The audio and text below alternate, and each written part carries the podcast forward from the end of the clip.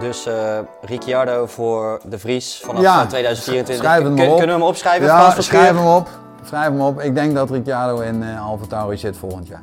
Ja, Frans, uh, leuk dat we weer een keer met je mogen ja, spreken. Naar de Grand Prix van Miami, dankjewel. Ja. Ja, de vorige keer dat we spraken was naar Jeddah, naar de Grand Prix van Saudi-Arabië. Daar was je best wel kritisch op, hè, met dat we daar racen en zo. Maar ja, hoe kijk je dan eigenlijk aan tegen drie races in Amerika en alle toeters en bellen die er afgelopen weekend uh, bij kwamen kijken. Ja, ik denk dat, uh, dat we daar toch helaas aan moeten toegeven, omdat het een Amerikaanse organisatie is waarvoor uh, de Formule 1 werkt en rijdt. En dan zie je toch dat Amerika, het feest is belangrijk en er wordt ook geraced. Kijk, in Nederland of in Europa, daar racen we en dan hebben ze een feestje bij. Maar daar is het feest gewoon belangrijk. Dus als ik zag wat daar gebeurde met die boten, met die nethavens en zo en dat soort dingen allemaal, ben ik benieuwd wat er in, in, in Las Vegas gaat gebeuren. Want die willen daar weer overheen. Dus die zijn dan, dan nog groter met het feestje en wat ze willen gaan doen. Dus ja, dat, is, dat hoort eenmaal bij de sport en dat zijn natuurlijk ook de sponsors die dat willen en daar hun, hun, dingen bij halen. Ja, maar het... het is nog niet zo groot als American Baseball en dat soort dingen allemaal. Is het wel goed voor de Formule 1, vind je? Ja, het hoort erbij. Ik zelf ben een racer, dus ik zit dan niet zo heel erg op te wachten op al die feestjes eromheen. Dus dat hoeft voor mij eigenlijk niet zo. En wij krijgen daar ook als, als Europeanen niet zo heel veel van mee, omdat het ja, ons niet zo heel veel interesseert als een Amerikaan. Ja, hoe keek je dan bijvoorbeeld naar die uh, toch wel enigszins opmerkelijke intro die we te zien kregen? Dat ja, alle coureurs naar voren werden dat, gehaald? Ja, dat is Amerikaans. En dan zeg ik ja, het volkslied werd wel gezongen, dat doet mij ook, dat vind ik wel mooi. En dat die allemaal geïntroduceerd worden. Zo, ja, bij ons staan ze op een vrachtwagen en rijden een rondje, weet je wel zo, ja. Het hoort erbij en het is natuurlijk, voor de fans is het wel belangrijk. En Amerika krijgt heel veel kijkers en, en, en, en toeschouwers, dus dat is wel belangrijk. Goed, laten we het over uh, racen gaan hebben. Ja. Uh, ja, we zagen Max, uh, Max stappen weer naar voren stormen vanaf P9 werkelijk. Ja, begint het niet een beetje op Formule Max te lijken in plaats van Formule 1? Nou, we hebben toch, ik vind het zelfs nog wel meevallen in verhouding met toen Hamilton zeven jaar lang domineerde. Kon hij achteraan starten en dan won hij nog. En als je ziet dat het begin van het veld en het einde van het veld 1,8 seconden was bij de qualifying, dat was vroeger was 3, 4 seconden. En Hamilton en, en ook Rosberg in die tijd, die reden gewoon met zo'n Mercedes dwars door het veld heen en die wonnen. Nu moet hij er wel wat voor doen, een beetje geluk, een beetje daar. En dan, dan, dan is toch, ja, laten ze zien dat hij is een, uh, hoe heet het, een, aparte league. En als je zegt de Max-formule, ja, ik hoop dat we nog acht keer of zeven keer een wereldkampioen zien worden. Hoe denk je dat Sergio Perez zich gevoeld heeft na die race? Want ja, hij staat ver naar voren. Maar eigenlijk op de hardere band van Max uh, werd hij alsnog een soort van uh, Ja, hij zal, uh, hij zal gedacht hebben, god, waarom ben ik niet op hard gestart? Weet je al zo. Dus dat hij daar misschien, dus zijn, zijn engineer daar een klein foutje in heeft gemaakt. En daarna stapt hij uit en als hij dan heel eerlijk is, denk ik mezelf, ja, ik blijf de tweede rijder. Maar ik ben blij dat ik bij Red Bull zit. Want elk ander team was ik veel verder achter in het veld gekomen. En dan zeg ik niet dat iedereen die in die auto naast Max zit ook tweede wordt. Want Perez is best een goede coureur. Ik denk dat het misschien wel het beste teammaatje is die hij heeft. En, en uh, ja, dat blijf je altijd houden. Uh, of je moet een slechtere auto hebben. Daar wissel je zeg maar qua rijder. Zoals Hamilton en Russell, die wisselen een beetje van wie de beste rijder is. Dus niet echt een eerste rijder. En, maar bij, Red Bull is gewoon Max klaar. En dan wordt de auto op hem gebouwd. En Perez mag blij zijn dat hij er zit en dat geld buurt en, uh, en mee profiteert. Ja, denk je dat Perez dat ook denkt, bijvoorbeeld na zo'n race nou, in Miami? hij dacht natuurlijk in Jeddah heel even, heel even van, kijk mij eens goed zijn. Maar ja, dat werd heel snel even afges, afgestraft door deze race. En uh, hij heeft daar veel geluk gehad door die safety car enzovoort enzovoort. En dat, uh, ja, dan moet hij zich realiseren dat hij heel gelukkig iemand mag zijn dat hij daar mag zitten. Gaat hij dat ook wel uh, accepteren nu dat hij, hij daadwerkelijk de tweede rijder is? Hij zal het wel moeten. Accepteert hij niet, dan ligt hij eruit. Voor hem, voor hem 18 anderen. Ja, want zijn contract loopt natuurlijk af na 2024. Ja. Gaat, zou die ja, daar ook 24, mee bezig zijn? 24, hè? dus dit jaar zit hij nog in en volgend jaar denk ik ook. Ik denk dat ze het echt per jaar zien wat hij is, hoe hij zit, of hij niet te veel tegengas geeft. Zijn vader wil nog wel eens een keer verkeer, verkeerde dingen zeggen in de pers. Daar zou ik ook mee uitkijken. Hij beurt keurig netjes salaris, waar moet hij dan? Waar, waar kan hij naartoe? Naar Alfa of, of zo, zo'n merk? Ja. Denk, denk, je dat uh, Perez daar zelf, uh, je noemt zijn vader, hè, Antonio Perez, dat, dat hij daar ook een beetje door beïnvloed wordt door wat zijn vader nou, allemaal dat, dat is een beetje de kracht die een manager moet hebben, vind ik. Een manager moet zeggen, oh jongens, dit moeten we niet doen, want we moeten nog een paar jaar langer hier rijden. En we buren nooit centjes en we hebben al uh, egaars die Red Bull heeft. Dus doe even rustig aan. Natuurlijk mag hij best wel zeggen van dat hij ook, dat moet hij ook wel zeggen, dat hij ook wil winnen natuurlijk niet zo'n ja, ik brei maar surf erachteraan, want dan, dan sta je zelf een beetje verluld. Dan ben je ook geen sportman. Ja, precies. En, uh, dus hij zal dat wel zeggen, maar in zijn hoofd moet zijn manager zeggen, hé hey vriend, uh, je bent weer even gedeclasseerd, blijf blij dat je er zit en dat je er nog mag blijven, hè? want zo is het wel. Fernando Alonso, ja, hoe, hoe bijzonder is hij, uh, wat hij op dit moment laat zien op zijn Heel bijzonder, zeker zijn leeftijd, dat hij het nog op kan brengen. En dan, dat hij ook speelt met de pers en speelt met het ding. Hij dat geniet echt, hè? Dat hij race, hij geniet. Je ziet hem echt genieten. Dat is echt fantastisch als sportman zijnde. En dat tijdens de race zegt, ah, mooi inhalen, manoeuvre van Strol. Weet je wel, dat soort dingen. En zorgt dat de rembalans iets anders is. Vervolgens gaat Strol gelijk eraf. Maar weet je wel, er zijn toch dingen die, die, uh, waarin je ziet dat die man vreselijk geniet. En, en ondanks zijn leeftijd. En je ziet dat Hamilton, die geniet niet zo, maar kan nog wel steeds gas geven. Het zijn wel de twee oudste natuurlijk in het veld. Ja, en Alonso heeft natuurlijk twee wereldkampioenschappen. Zijn er dat te weinig? Mogen we hem tot de grote der sport zien? Uh, ik denk wel tot de, niet, niet zo heel groot, maar wel tot de groten. Maar hij heeft natuurlijk altijd het verkeerde team gekozen. En dat is een beetje, uh, ja, uh, moet je ook in je hebben. Van hé, hey, waar ga ik naartoe? Nu heeft hij toevallig het goede team gekozen. Maar hij heeft, ja, kwam een verkeerde moment. Hij ging weg bij, bij uh, McLaren. Hij kwam bij Ferrari, verkeerd. Weet je wel, dus ja, uh, al die teams heeft hij net verkeerd gedaan. En dat heeft hij denk ik bij dingen wel gezien. Bij Aston Martin, die al, al twee, drie jaar geleden hiermee begonnen zijn. Hè. Die hebben die jongen van Red Bull weggekocht, nieuwe fabriek, eigen windtunnel. Dat zijn allemaal dingen als je dat, hé, hey, wacht eens even, ze hebben hier... En hij zit hier en die jongen was de rechterhand van uh, Adrian Newey, dus die weet hoe hij een autootje moet tekenen. Dus daar gokken we op en dat heeft natuurlijk goed gedaan. Ja, Alonso mikt dan, uh, ja, horen we hem wel eens zeggen, op uh, Monaco en Spanje. Dan denkt hij uh, goede kansen te hebben. Hoe Monaco niet. Nee, Monaco zie ik hem niet. Uh, daar, daar redt hij het niet. Maar Spanje zou wel kunnen. Dat is natuurlijk een extra flow in, in Barcelona. Dat zou wel wat zijn, hè? Ja, natuurlijk. Dat is, maar dat hij gaat winnen, dat zie ik niet zitten. Nee, nee hij komt niet voorbij die Red Bulls. Dat weet hij zelf ook. Als je zag al dat hij in de twaalfde ronde, geloof ik, ingehaald werd vanaf P9. Ja, dan uh, weet je ook eigenlijk van ja, mijn auto is wel goed. Leuk voor P3, P4, P5. Maar ja, zou dat dan niet juist in Monaco zijn geluk kunnen zijn? Stel, hij heeft een nou, monster kwalificatie. Monaco, is, Monaco daar heb je natuurlijk, Perez is daar heel goed. Max zit super gebrand om daar te winnen. Er zijn natuurlijk een paar die echt stratencircuits uh, eigen zijn. En uh, daar zie ik hem toch niet bij, ook niet in de quali uh, bij de eerste twee zitten. Charles Leclerc, wat is er toch in hemelsnaam met die jongen aan de hand? Ja, ik denk dat hij, dat hij voor zichzelf moet. Begrijp je? Dus hij heeft een soort ja, druk op zich liggen waarvan die hij zelf heel hoog legt. Terwijl die eigenlijk door een begeleid moet worden van vriend. Ik denk persoonlijk dat het bij Ferrari pas eind van het jaar gaat komen. Hij heeft, eh, je ziet de pitstops, die zijn 2,1 seconden, had hij in dit weekend ook weer hartstikke goed. Dus die heeft hij wel onder controle. Dat is, was, dat is ook makkelijk hè, voor friseur. Van hé, hey, uh, welke engineers zijn er, die fout, die fout. En doe maar oefenen. Ja, we doen één keer per, per, week oefenen. Nee, elke dag oefenen. Toen wij Le Mans deden, elke dag pitstops oefenen. En dan moet je gewoon ja, vast hebben. En dan moet je ook een reserve hebben als eentje zijn enkel breekt of kneust. Dat je daar een reserve voor hebt, een reserve-team. Dus in dat opzicht heeft Vasseur, dat die al heel lang in de autosport zit, die heeft dat onder de knie. Toen heeft hij dus ook uh, de dingen voor elkaar gekregen, de, de tacticus, die, die ook bij Ferrari maken ze niet meer die fouten. Ze gaan ook geen dingen roepen door de radio heen van waarin iedereen zit te lachen, waar je voor lul staat eigenlijk. Dus dat heeft hij ook onder controle. Nou, nou, nou, heeft hij natuurlijk, nou is hij ook bezig met, met de technische dingen, de aeroman en, en de motorenjongens. Maar die, als je die weghaalt bij Mercedes of bij wie dan ook, dan duurt dat even voordat zo iemand mag beginnen. Die heeft een, een soort contract waarin hij een jaar niet voor een ander Formule 1 team mag werken. Dat had uh, Aston Martin ook met de man van uh, Red Bull. En dat zijn dingen die allemaal, of het moeten samen overeenkomen van oké, die gaat weg en je mag morgen volgend jaar daar beginnen. Nou, ik denk dat Vasseur dat al lang in het vat heeft zitten. Uh, dat hij dus zeg maar een andere aero-jongen wil, een andere motor. Die ene hoofdontwerper van uh, is weggegaan, die gaat waarschijnlijk naar uh, McLaren toe. Maar die moet even in de wachtkamer, die mag niet zomaar van Ferrari naar McLaren toe.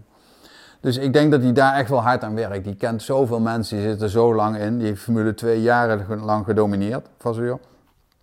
Dus die weet wel, hé, hey, dat en dat haal ik daar weg. Dus daarom verwacht ik eigenlijk pas dat Ferrari aan het eind van het seizoen komt. Maar zoals jij vraagt, Leclerc wil nu. Weet je wel, die wil niet achter Sainz rijden. Ongeduldig. En dan haalt hij iets meer uit. Hij heeft natuurlijk niet talent van Max, maar haalt wel iets meer uit de auto dan de auto kan. Ja, dan gaat hij eraf werken. En dan moet hij daarna, zeg maar, uh, zit je dus in die, die, auto en denk ja, ik sta hier op uh, zoveel en ik moet naar voren toe. Daar lig ik er weer af, dan ben ik helemaal het sukkeltje. Laat ik maar door rond blijven rijden en proberen met, met hetgene wat ik heb bij de eerste 5, 6 te komen. Hij uh, reed een beetje zieloos rond, hè? Ja, in Miami had ik het idee. Omdat hij geen risico nam. En ja, je moet soms risico nemen, soms hem er maar naast zetten. Ja, en als hij dan weer eraf gaat, ja, dan dan houdt het op. Je zag het met Sainz vorig jaar, die ook over zijn top heen reed. Die ging elke keer in de eerste ronde eraf. Dus die Sainz denkt dan ook van, hey, als ik me niet in de eerste ronde eraf ga kijken, want anders wordt het een gewoonte van mij dat ik elke keer in de eerste ronde eraf vlieg. Maar die jongens vechten natuurlijk tegen tegen dat ze eigenlijk altijd Ferrari's altijd eigenlijk moet hij die winnen, weet je wel. Dat is Ferrari moet je winnen. Nou ja, dat is heel moeilijk. Ze hebben jarenlang onder Mercedes geleden en nu leiden ze onder, onder, onder Red Bull. Ja, daar moeten ze aan wennen, maar ze komen er wel. Het duurt alleen nog even. Ja, dus jouw advies aan eh, Leclerc en Sainz is: heb even geduld. Ja, nou, Sainz die moet gewoon zo hard mogelijk rijden als hij kan. En, en want ik denk dat Leclerc meer talent heeft als, als uh, Sainz. En dat hij meer de druk voelt. En Sainz eigenlijk maar altijd op zijn max rijdt. En van ja, ik, ik kan niet harder en ik wil meer. Wie was voor jou uh, best of the rest in uh, Miami? Ik denk Gasly. Ja, die zitten natuurlijk, die reden ook wel, ze hebben wel een keer de finish gehaald. En die, die, die, die hebben zitten vechten best wel met een, met een moeilijk verhaal. Dat ze, uh, zoals je gehoord hebt, misschien de, de, de, top van boven begint bij Renault te rommelen. Die zeggen van jongens, we besteden zoveel geld aan, we worden niks. En indirect moet ik ook zeggen, wat heeft Renault te zoeken in de Formule 1? Niks. Renault is een, is een tourwagenmerk, een GT-merk, daar hebben ze jarenlang het gedaan. Ja, en ze hebben altijd motoren gebouwd voor de Formule 1, maar zelf een Formule 1-team. Denk ik dat die kosten voor hun te hoog zijn. Kijk, als Mercedes of Ferrari wereldkampioen worden of Aston Martin, verkopen ze meer personenauto's. Dat is gewoon een gegeven. Toen Schumacher bij Ferrari kwam, werden er zoveel auto's verkocht dat heel Ferrari in één keer heel groot werd. Ik denk als Renault morgen wereldkampioen zou worden of Alpine, dat, dat er eh, geen, geen Renault Megane of een, Renault Alpine eh, meer verkocht wordt. Dat, is niet, dat is niet, zit in de genen van dat merk. Dus in dat opzicht eh, was er destijds een speeltje van meneer Gome en meneer Abiteboul dat ze de Formule 1 in gingen. En zodra uh, weg was bij Renault en Abiteboul de zak had gekregen, hebben ze ook de knop omgezet en naar Alpine verhuisd. Want dat is dan nog een merk die een beetje een sportimago heeft, maar eigenlijk veel te klein is en veel te weinig productie heeft om, om dadelijk als ze zouden scoren, daar ook hun revenue uit te halen. Nou, dan begrijp ik best dat Renault, die een beetje achterloopt met de winstmarges, dat ze gaan zeggen, jongens, is dit nog wel de moeite? Ja, en nu is het ook te verkopen. Hè? Die Amerikanen willen graag zo'n merk kopen. Dus dan begrijp ik best wel dat die druk vanuit de top naar beneden toe gaat. Van hé hey jongens, jullie moeten wel een beetje gaan scoren met die auto's. Want anders eh, gaan we, gaan we ermee stoppen. Nou, dan is dat, eh, liggen ze reizen tegen elkaar aan, waardoor ze eraf liggen. Ja, dat zullen ze ook leuk gevonden hebben inderdaad. Nee, dat ze ook niet leuk gevonden hebben. Dan worden er best wel wat schades gereden. Dat vinden ze ook niet leuk, want dat kost allemaal geld. Dus in dat opzicht uh, kwam dit wel goed uit, zeg maar. En Gasly is natuurlijk daar naartoe gekomen om om te scoren. En die ziet nu die Alfa Tauri achteraan hobbelen. Dus ik denk, in dat opzicht heeft hij het wel goed gedaan. Maar de organisatie bij Renault is natuurlijk moeizaam, omdat iedereen niet zo heel graag bij dat merk wil werken. Even een heel ander dingetje, vond ik zelf heel uh, interessant. Dat de DRS-zone werd uh, ingekort. Ja. Daar was Helmut niet zo over te spreken, nee. want dat is natuurlijk nee. een van de geheime wapens, de DRS van, ja. van Red Bull. En ja. hij zei zelfs, het is manipulatie van teams als Mercedes, et cetera. Ja, wat, uh, wat vind jij ervan? Ja, vind ik een beetje vreemd ook waarom ze het doen. Zeg, uh, ik denk dat ze het gedaan hebben over wat Helmut Marco al zegt. Ja, nou dan is hij helemaal oppermachtig. Maar ja, dan moeten de anderen maar kijken waarom die vleugel zo goed is bij Red Bull. En waarom die juist in de DRS-zone zoveel winst heeft. Want je ziet bij andere auto's, die hebben het niet zoveel. Die hebben wel iets, maar niet... Ja, het scheelt wel hè? Het scheelt aanzienlijk, ja. Dus in dat opzicht begrijp ik het wel. En uh, dat Helmut Marco daar tegenin gaat. En ook terecht. En waarom ze ingekort zijn, weet ik niet. Dus voor mij, ja, ik denk toch om wat eh, hun denken, om Red Bull niet te veel voordeel te geven. Ja, wat eigenlijk uh, niet kan. Vind je dan terecht dat uh, Helmut Marker zich uitspreekt? Ja, vind ik wel terecht, want we hebben zeven jaar lang Mercedes gehad die iedereen de oren waste. En nu in één keer begint Mercedes ook een beetje te janken van ja, we moeten, dit is niet goed voor de sport en dat soort dingen, schei uit. Hamilton heeft zeven jaar iedereen de, alle hoeken laten zien. En toen hebben we ook niet geroepen van we moeten er onmiddellijk mee stoppen Ze mogen al heel blij, blij zijn dat nummer 1 en nummer 20 1, zoveel seconden van elkaar afzitten. Dat, daar blijkt dus dat de auto's wel goed zijn. Dan nog even Mercedes uh, erbij pakken, waar uh, George Russell uh, knap vierde werd. Ja, dat is heel knap. Hamilton kwam ook wel ja. weer wat naar voren. Maar is Russell op dit moment niet gewoon de beste Mercedes-coureur? Of moeten we dat anders zien? Ja, dat moeten we anders zien, want Hamilton staat wel voor hem in punten. Dus ja, daar worden je toch op afgerekend. Je kunt morgen, want overmorgen ben jij de race van, van dingen weer vergeten. En, en we hebben 23 races in een jaar. En om dan eh, nog te weten, eh, race 2, waar reed die? Nee, je kijkt naar de punten. Hey, hij staat voor hem. En dat is eens waar Hamilton ook naar kijkt. Hij moet voor Russell eindigen in punten. En de ene circuit ligt hem wel een beetje geluk bij de start enzovoort. Dus beide weten ze ook dat ze geen potten kunnen breken met dit concept van de auto die ze hebben. En dat is de interne strijd, denk ik, tussen de aero-jongens en, en, en Toto Wolff en de rijders. Van jongens, hoe lang blijven we dit nog doen? Wanneer stappen we over op, een, op het oude concept weer, of het oude concept met de white uh, sideboards, in plaats van diegene die ze nu hebben? Want ik zie toch wel, nu zijn we al anderhalf jaar onderweg en dus begrijp je er nog steeds uh, niks van eigenlijk? Nee, maar dat is wel het, het gevecht intern. Hè? Wij willen daar aan vasthouden en dan hebben ze vorig jaar een race gewonnen op het einde. Zie je wel, het kan wel. En volgend jaar een stap erbij, maar een stap erbij, hoezo? Aston Martin zit er in één keer voor. Drie stappen terug eigenlijk. Ja, en, en, en Ferrari komt nog wel, wees me niet bang. Dus ja, oeh, wacht even. Oh, Alpine is ook één keer erbij, weet je wel. Zo. Allemaal met dat oude concept. En, en, of oud, met een ander concept. Het is geen oud concept, maar ja, in dat opzicht... Uh, zullen ze bij Mercedes best wel veel vergaderen van uh, gaan we het veranderen of niet. Ja, hoe denk je dat Hamilton uh, naar heel die uh, ja, beredenering intern kijkt? Hij wil het oude concept, maar hij is natuurlijk niet degene die het allemaal bepaalt. En, en, daar zal hij toch een beetje zijn, zijn motivatie moeten hard maken om, om dat toch naar het oude concept te krijgen. En Russell zegt niet zoveel erin, denk ik. Die denkt van ik zit prima bij Mercedes. Ja, ik rij lekker. Ik, ik rij lekker. Ik sta af en toe voor Hamilton, dus ik hou mijn mond. Van, van hoe de fuck ben ik? Ik heb nooit wereldtitel gehaald. Om dan al een beetje met vuist op tafel te slaan. Ja, hij kent zijn plek, zeg maar. Ja, maar hij is zeker geen tweede rijder. Ja, bij Red Bull daar zie je duidelijk Max eerste rijder. Bij Mercedes zijn ze allebei gelijk. Bij Ferrari neigen we naar Leclerc. Maar ik zeg neigen, want Sainz doet ook zijn best. Nou ja, dan alle andere merken waar je ziet wie is de eerste rijder. Nou, dat, dat, dat komt bij, bij Alpine is het ook gelijk.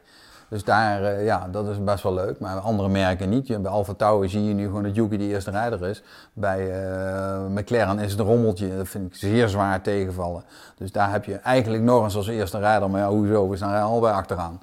Ja, dan nog even een uh, wat minder leuk dingetje tijdens de Grand Prix van Miami over Max Verstappen. We hebben filmpjes gezien dat, op TikTok dat hij middelvingers naar zijn hoofd krijgt. Aan het einde kreeg, werd hij uitgefloten. Er werd van alles naar zijn hoofd geslingerd ja, wat is dat toch? Kunnen we daar iets aan doen? Uh, ja, dat, is, wordt natuurlijk wat we net zeiden, een beetje door die Engelse pers gevoed. Hè? En, en dat soort dingen, dat is nu goed. Hij is natuurlijk geen, uh, moet ik zeggen, het is geen Tom Cruise of zo, weet je. Het is geen held. En omdat hij het zelf dat ook totaal niet interesseert. Het maakt die middelvingers die naar hem opgestoken worden, het interesseert hem niks. Het enige waar we wel voor moeten waken, dat wij dit niet in Nederland gaan doen. Naar Hamilton of naar andere rijders. Wij moeten daar onze held. Wij moeten hem daarin steunen. En absoluut niet gaan fluiten als een Hamilton of een. Of maakt niet uit wie op het podium staat. Allemaal juichen. Maak de sport niet een voetbalsport. Dat vind ik niet. Uh, vind ik echt slecht. En in Amerika zou die wat aan zijn PR kunnen werken, maar het interesseerde hem geen bal. En dat zie je ook aan hem. Want hij stond op het podium zo van, zo jongens, jullie dachten dat ik niet van 9 naar 1 kon rijden. En hoe? Dus ja, daar liet hij gewoon zien hoe hij is. Maar het is niet eenmaal iemand zoals een Norris of een Ricciardo die met het publiek speelt. Dat doen die, die jongens wel. Nou ja, en, en Hamilton die daar dan zo'n, zo'n, bij het opkomen zo'n ding knuffelt, zo'n, zo'n een of rapper. Ja, prima, maar dat vinden de Amerikanen wel mooi. In dat opzicht zou die wat uitspraken moeten doen van ik zou best in Amerika willen wonen of zo, weet je, Amerikanen. Ja, dan denk je, oh wacht even, die, dan, dan, ja, ja. hij kan dat zelf afdwingen. Maar dat is ook niet Maar hij heeft er nul interesse in. Het interesseert hem geen moer. Ja, hoe vond je zijn reactie uh, daarop? Ik weet niet of je die uh, gehoord hebt. Nee, niet gezien. Ja, hij zei ook, uh, ik neem de beker mee en jullie gaan lekker naar huis. Ja. Dus ja. mij, mij zal het gereed schelen. Nee, dan precies. Maar dat, zo zit hij eenmaal in elkaar. Daar zouden ze misschien, en dat zou Raymond Vermeulen misschien wat kunnen zeggen van... hé, hey, zeg een keer dat je hier wil wonen of zo. En verder zwaai een keer en doe, hou de Amerikaanse vlag een keer hoger klaar, joh. Ik wil het nog even over Nick de Vries hebben. Ja. Zie je verbetering? Uh, blijft het gelijk? Gaat het slechter? Hoe kijk je er tegenaan? Ik zit in een, eh, in een goed beluisterde podcast wel eens. En dan zeggen ze van Nick de Vries en zeg ik 10-2. Nou, dat wil eigenlijk al veel zeggen. Hè? Hij staat 10-2 achter op zijn, op zijn teammaat. Dat die auto slecht is, ja, daar kan hij niks aan doen. Dat het management niet zo best is, en to, uh, Toost ook weggaat, ja, dan dat is niet, daar kan hij niks aan doen. Maar dat hij 10-2 achter staat op Yuki, daar kan hij wel wat aan doen. En dat geeft ook aan van, hé, hey, dat is wel heel veel hè, 10-2. Het kan 6-4 zijn of zo, maar... En ik denk dat het alleen maar meer wordt. En waarvan die twee, één keer was dat uh, de Vries tegen Yuki aanreed en daardoor een, eh, een, probleem had met zijn auto. Maar je ziet ook weer dat Yuki, Yuki net niet in de punten zat nu en Nick die zit er echt ver achter. Ja, terwijl Nick op een harde band was gestart, goed verhaal. Dus daar had hij meer naar voren moeten komen. Hij rijdt voor de tweede keer achterop bij iemand. Eerst bij Sargent, nu bij Norris. Allemaal dingen die niet meetellen. Dat geeft niet, maar hij heeft een beetje ook de, de dingen tegen. Hè? De, de, hoe moet ik zeggen, de, de publieke opinie op tegen. Hij luistert heel slecht naar het team. Dat, hij wil zijn mening, want ik heb dit en ik heb dat. Nee, luister nou naar je engineer, daar moet je mee winnen. Mijn advies is, uh, geniet heel veel dat hij dit jaar in de Formule 1 zit. Maak er heel veel tijd, zorg dat je heel veel petjes verkoopt waardoor je nog wat verdient. En dan uh, volgend jaar zit hij er niet meer in. En ik, ik denk zelf, ik durf hier te zeggen dat Ricciardo eigenlijk volgend jaar uh, in die uh, Alfa Tauri zit. Die gaat nu weer een Red Bull testen, dat heb je gelezen. Die gaat de RB19 testen, die gaat andere dingen testen. Dus ik denk dat ze hem toch een beetje uh, oplijnen. Is wel een Red Bull iemand om volgend jaar in die Alfa Tauri te zitten. En ik hoop van ik, en ik denk niet dat ze dat doen, dat het pas volgend jaar wordt dat er een andere in komt. En niet halverwege het seizoen, wat ze to, uh, toen wel gedaan hebben. Hè. Ja, dat eruit, even hebt eruit en jij erin, weet je wel zo. Dat ze dat niet gaan doen, uh, halverwege eruit, ga je maar even ernaast zitten. En dan, uh, ja, dan heeft Nick ook nog steeds dat proces boven zich lopen, dat boven zijn hoofd hangen. Wat natuurlijk ook nog niet afgerond is.